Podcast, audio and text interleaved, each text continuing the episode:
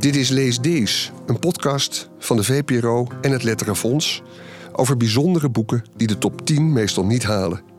Boeken die onterecht vergeten zijn geraakt. Mooi voorbeeld van zo'n vergeten boek was een jaar of wat geleden de roman Stoner van John Williams. Het werd jaren na publicatie pas ontdekt en opeens liep toen iedereen ermee weg. Ik ben Anton de Goede. In deze podcast behandel ik steeds één titel die zo'n herwaardering verdient. En dit keer is dat de roman De Rode Anjer van Elio Vittorini. Het boek is zo'n 80 jaar geleden in Italië geschreven, maar het heeft nog niks van zijn glans verloren. Het is een boek over de liefde en over verliefd zijn als je jong bent en alles in het teken van die verliefdheid kan komen te staan. Het boek, dat niet dik is, leest als een trein. Het is in Italië nog altijd heel populair op middelbare scholen. Er is iets raadselachtigs met dit boek, iets ongemakkelijks. Ik denk dat er een reden is dat de Nederlandse vertaling ons altijd is onthouden. Het paard vertrok in draf. Probeerde de teugels van mijn zus over te nemen, maar dat lukte me niet. In de verte stonden peperbomen te wiegen in de nevel. Eindeloze rookslierten stegen op langs de kanalen die door de vlakte stroomden. De mooiste streek ter wereld zou het zijn. Had het kunnen zijn. Ik dacht aan het plantsoen, met de hoge, bijna blauwe bomen aan het eind van Giovanna Straat. Een fragment uit De Rode Anjer van Elio Vittorini. In Italië kent iedereen Vittorini, terwijl hij alweer een halve eeuw geleden is gestorven in 1966. Hij werd 58 jaar. In Nederland is er ook werk van hem bekend, sociaal betrokken verhalen meestal, maar De Rode Anjer, geschreven in de jaren 30, kent vrijwel niemand en werd kort geleden voor het eerst vertaald. Wat is er met dat boek? Allereerst sprak ik met schrijver Ernest van der Kwast, fan van het boek. Ik vroeg hem naar de inhoud. Het boek gaat over een jongen, Alessio heet hij, die nog op school zit en eh, flink moet presteren. Hij logeert in een huis waar andere studenten zitten. Hij wordt verliefd op een meisje op school, Giovanna heet ze.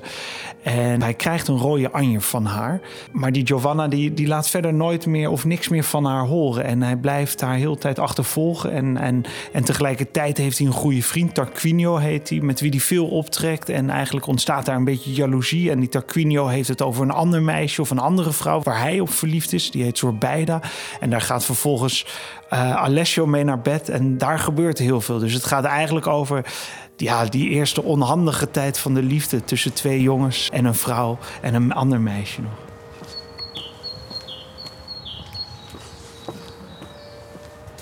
Beetje een achterafstraat in Amsterdam, Oud-West. 19e eeuwse wijk. Hier woont ergens op nummer 121 driehoog Emilia Minkveld. En zij is de vertaalster van De Rode Anjer, de vertaalster, want dit boek is niet eerder in het Nederlands uitgekomen. Gaan we vragen hoe dat eigenlijk zit en wat zij ervan denkt.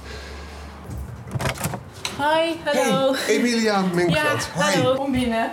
Ja.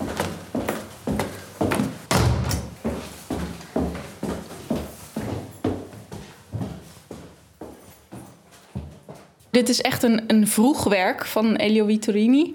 Uh, zijn bekendste boek is in Nederland misschien uh, Gesprek op Sicilië. En uh, daarin is hij politiek en ook in zijn literaire werk is hij alweer veel verder. En dat is eigenlijk niet meer, bijna niet meer te vergelijken met dit werk. Dit is zo anders. En ik denk, in de jaren negentig zijn er wel veel boeken van hem vertaald. Maar dat behoort volgens mij allemaal een beetje tot dat latere oeuvre. En dit is dus een soort van, ja, parel die dan is, is blijven liggen. Een parel die is blijven liggen. Om erachter te komen waarom de Rode Anja zo vergeten is, moeten we misschien preciezer kijken naar welk verhaal er in het boek verteld wordt. De vertaalster. Ik denk dat het boek in de eerste plaats gaat over volwassen worden. En ook ja, zowel uh, over een jongen die in alle facetten van zijn leven op zoek is. Zowel in politiek opzicht als in de liefde. Uh, het boek begint dus met een soort uh, grote verliefdheid op een schoolgenootje, Giovanna.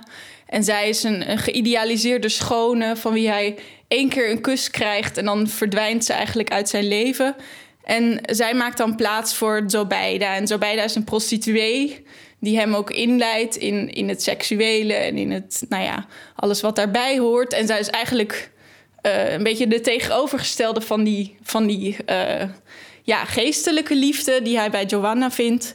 En ehm, ik denk dat er, ja, dat zijn twee kanten van de liefde die hij graag in één vrouw verenigd zou willen zien.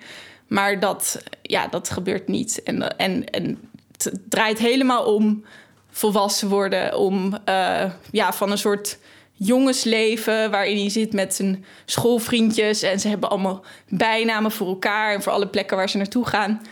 Um, wordt hij uiteindelijk een, ja, komt hij een beetje aan het begin van zijn volwassenheid en komt er ook een soort een breuk in de belangrijkste vriendschap in het boek, nou ja, de, met uh, Tarquinio. En in die vriendschap zit ook de rivaliteit in de liefde. En wat ik het goede vind aan het boek is dat het zo bruist en vitaal is. Ja, het is, dat komt natuurlijk ook door de omgeving, door Sicilië en hoe uh, Vittorini dit, dat eiland neerzet met alle kleuren en geuren. En Alessio ziet overal mogelijkheden en, en idealen en fantasieën. En het is allemaal inderdaad vreselijk vitaal, ja. Maar met dit alles is nog niks gezegd over waarom het boek tot nu toe onbekend bleef in ons land. Maar dan, al lezende in de Rode Anjer, stuit je op passages waarin de hoofdpersonen geweld prediken en aanhangers blijken van Mussolini's fascisme. Het klonk een schot. We renden naar de balkons en zagen dat de straat leeg was. Er stond alleen een verlaten tram bij de Engelbewaarderskerk. Maar verderop bij de prefectuur stond een mensenmenigte die schijnbaar getuige was van een terechtstelling. We hoorden krijgshaftige passen voorbij marcheren in een straat verderop. En af en toe klonken er oude fascistische leuzen die in de verte wegstierven. Ik ging snel mijn zwarte hemd aantrekken, zocht een stok en ging naar beneden. Partijkantoor was gesloten en werd bewaakt door carabinieri. Ik kwam mensen tegen die me uitmaakten voor zwart hemd en me nafloten op het Domplein bevond ik me weer onder fascisten. Deze periode in het fascisme, dus vlak nadat Mussolini aan de macht is gekomen, na de Mars op Rome in 1922, is denk ik in Nederland vrij onbekend. Uh, het was toen nog niet nou ja, wat er later allemaal is gekomen met nou Tweede Wereldoorlog, Hitler, weet ik wat. Het was een hele een, een, beweging die, die de boel opschudde. Die, die eh, Mussolini wilde in zekere zin het land ook vooruit helpen en de, en de 20e eeuw intrekken. En um, ik, dat had een grote aantrekkingskracht op, op jongeren. En, en dus ook ook dat geweld, dat was ook een van de manieren om een soort om tot de revolutie te komen, om de nieuwe, de nieuwe tijd in te gaan. En je ziet ook bij die jongens dat ze. Um, ja, ze, hebben grote, grote ideeën allemaal, grote woorden. En ik denk dat ze toch vooral. Ik denk niet dat er een, een diepe ideologische uh, gedachte aan te grond zal zitten. Maar ze vonden het vooral gewoon heel spannend. En er ging iets veranderen. Er zat verandering in de lucht. Um, ja, en ik denk dat inderdaad in Nederland dat dat helemaal niet zo, uh, zo bekend is. Echte zwarthemden komen erin voor. En dan moet je er echt van griezelen. En ook als je de muziek hoort die je daarmee associeert, dan lopen de rillingen eigenlijk over je rug. Ja, zeker, zeker. Als je uh, op YouTube die, die liederen gaat terugzoeken, want je kunt dat allemaal nog vinden en je kijkt in de comments, dan is het ook best even schrikken. Want uh, er zijn nog steeds veel uh, Italianen die Mussolini echt een toffe peer vinden. Um, ja, maar dat, dat, is, dat is schrikken inderdaad. Dat is onvoorstelbaar eigenlijk.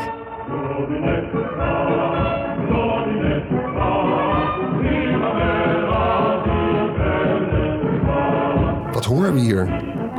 Dit is de Giovinezza. Dat is een uh, fascistisch uh, strijdlied. En um, dat fluit de jongens in het boek als ze samen op straat lopen. Het geeft wel een idee van de sfeer in die tijd. En, uh...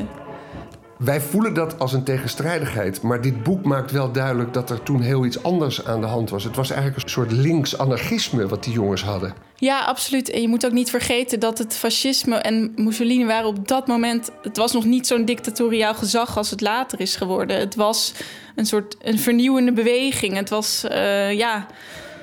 Het was allemaal, alle, het was opwindend en het was, eh, de muziek is ook dat is opzwepend en, en, en ze lieten zich daarin meesleuren.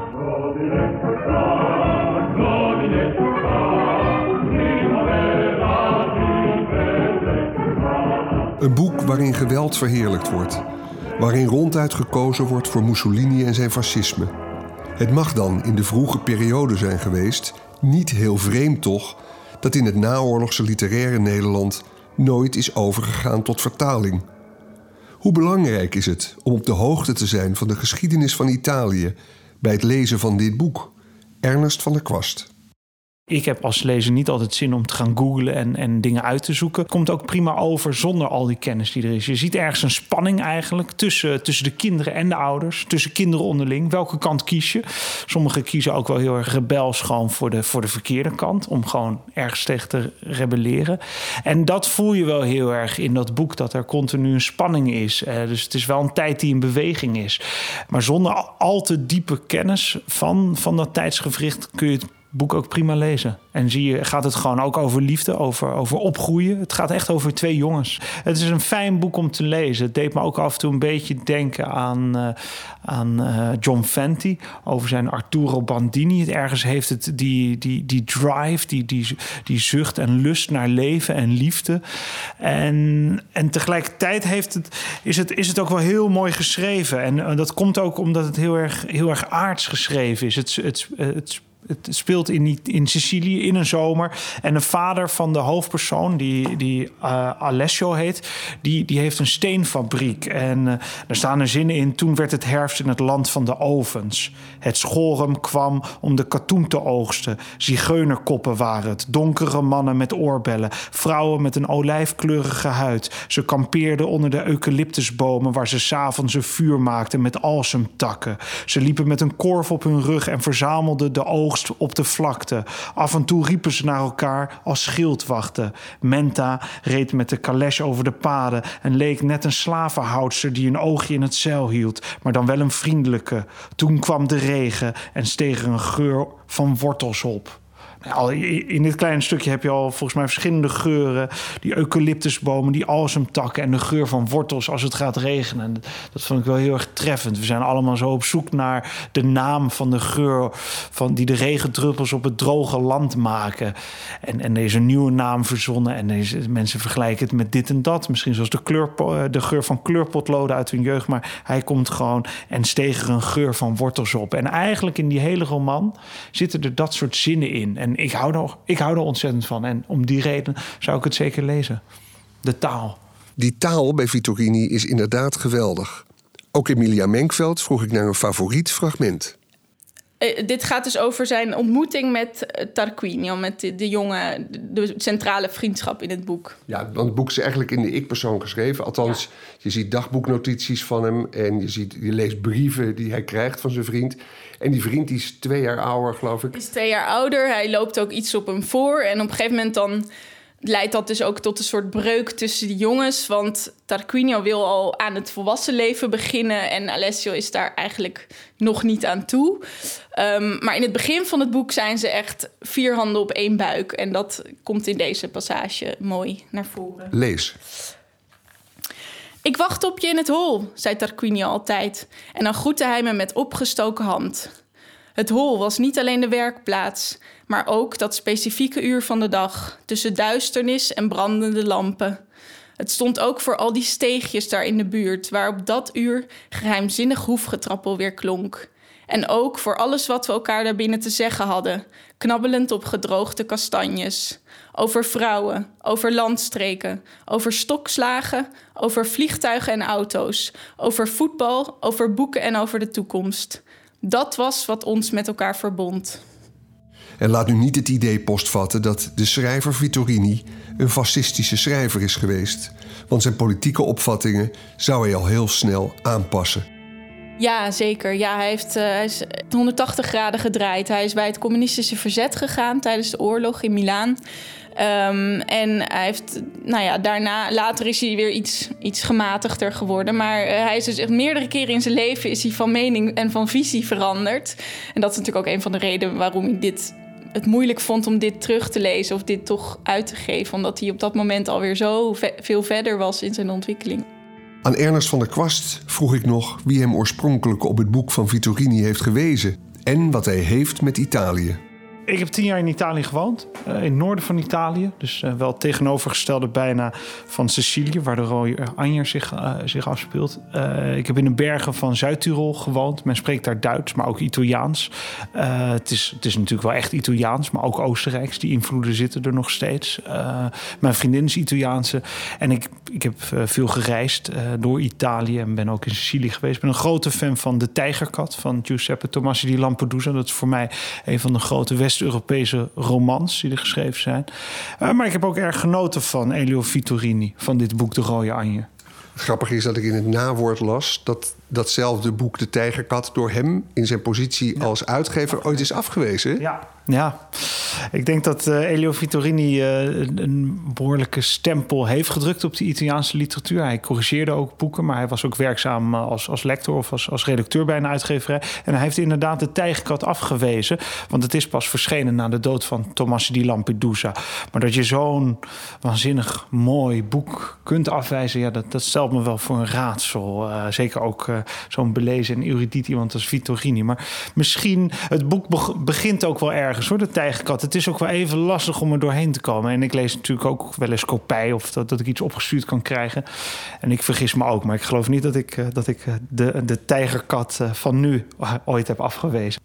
Wanneer heb jij de Rode Anje voor het eerst gelezen? Wanneer, hoe kwam je in contact met dit boek? Ik ben gevraagd door de, door de uitgever van het boek, uh, Eva Cossé, van de uitgeverij Cossé. En uh, omdat ik wel eens met haar heb gesproken over Italiaanse literatuur, over zo'n Tomasi de Lampedusa. En toen zei zij dat een van de lievelingsboeken van haar man en een mede-uitgever, Christophe Boegwald, die is een ongelooflijk fan van dit boek. En uh, er is deze, deze actie van het Letterenfonds, waarbij klassiekers weer onder de aandacht worden gebracht. En dit is één van die boeken, De Rode Anje. En zij vroeg mij om, om dit te lezen. En ik ben dat gaan lezen uh, in december, heb ik dat volgens mij gedaan, of eind november. En toen een maand later, in januari, heb ik daarover gesproken binnen, binnen een leesclub. En dat was erg fijn. Emilia Minkveld kreeg oorspronkelijk het verzoek van Christophe Boegwald van uitgeverij Cossé om het boek uit het Italiaans te vertalen. Moest ze er lang over nadenken voordat ze daar ja op zei? Nee. ik was nog aan het afstuderen. Ik was mijn scriptie aan het schrijven. En ik heb uh, meteen daarna kon ik aan dit boek beginnen. Dus dat was een prachtige kans om uh, meteen aan het werk te kunnen. Hoe kom je er eigenlijk toe om Italiaans te gaan leren en vertalen? Is er een link met Italië? Uh, nou, ik ben voor mijn opleiding Latijn en Grieks, wat ik eerst studeerde, ben ik een half jaar naar Bologna geweest. En daar heb ik toen, ben ik verliefd geworden op het land en de taal. En ben ik verder gegaan met Italiaans. Verder gaan met Italiaans, ook omdat het land en de taal je kunnen grijpen. Zoals dat kennelijk ook met Ernst van der Kwast is gebeurd. Ernst van der Kwast, die notabene zelf ook een boek schreef met Giovanna in de titel, te weten Giovanna's navel. Naar aanleiding waarvan Tommy Wieringa hem noemde een onverbeterlijke romanticus. Hierin is Van der Kwast een evenknie van Vittorini, of niet? Ik geloof dat ik wel uh, verbleek bij de romanticus uh, Vittorini, omdat die, ja, die zingt van de liefde. Maar dat past ook zo mooi bij die jonge jongens. Kijk, als jouw personages jonger zijn, Alessio is volgens mij 16 en Tarquinio is een paar jaar ouder, 18 jaar zal hij zijn. Ja, dan, dan, dan hoort daar ook zingen en rennen en, en, en vallen en struikelen bij. Terwijl je als je wat ouder bent, ja, dan, of je personages zijn wat ouder, dan, dan doe je ook wel wat voorzichtig. Anders komt het wel heel erg naïef over. Dus ik, ik ben wel wat minder, uh, misschien ook wel door, door mijn personages die wat ouder zijn. Maar ik vond het, ik vond het wel heel aangenaam om te lezen. En, en dat er iemand nog lyrischer kan zijn of, of, of dronken van de liefde.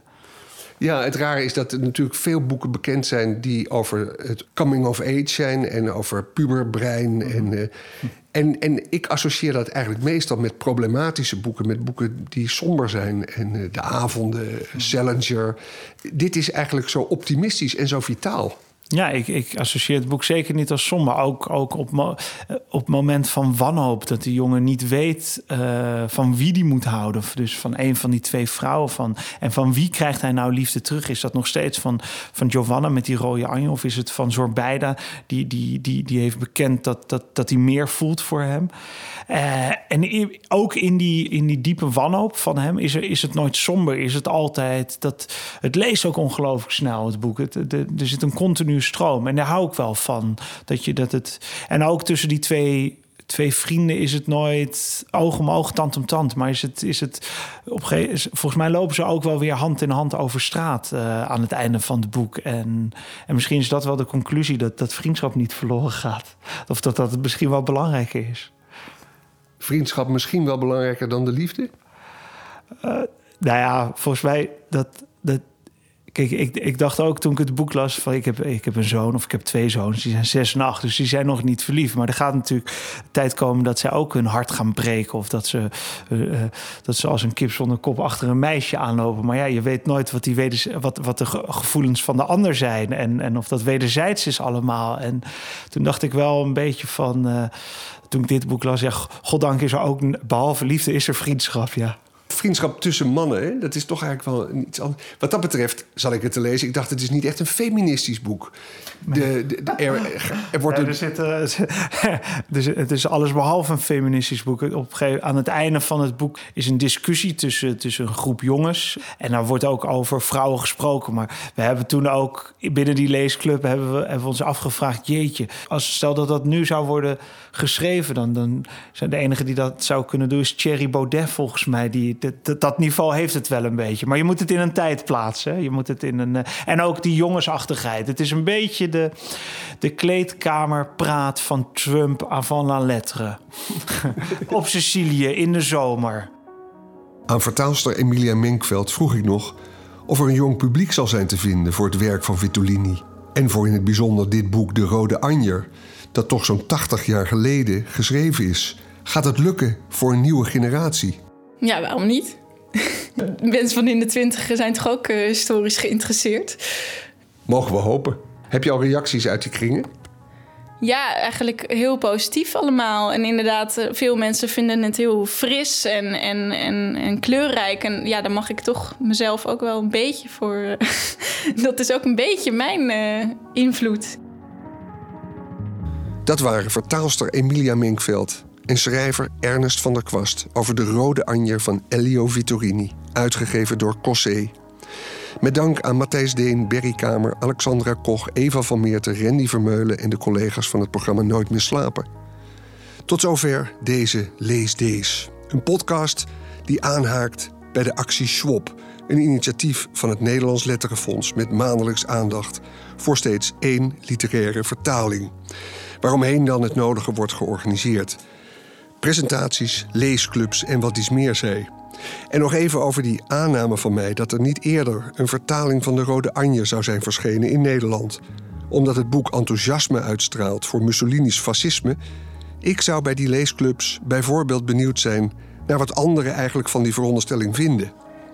Reageren op deze podcast kan ook. Ons mailadres is leesdees.vpro.nl en u kunt zich abonneren op deze podcast. Voor meer informatie daarover ga naar vpro.nl/slash leesdees. En deze podcast is natuurlijk ook vindbaar in iTunes en Stitcher. Een volgende keer de roman Het Verlaten Land van de Algerijnse auteur Moulou Mameri. En wilt u nu alvast iets weten over dat boek of over de gehele actie van het Letterenfonds? Ga dan naar schwab.nl, gespeld S-C-H-W-O-B. Graag tot horens, tot bij een nieuwe editie van Lees Dees.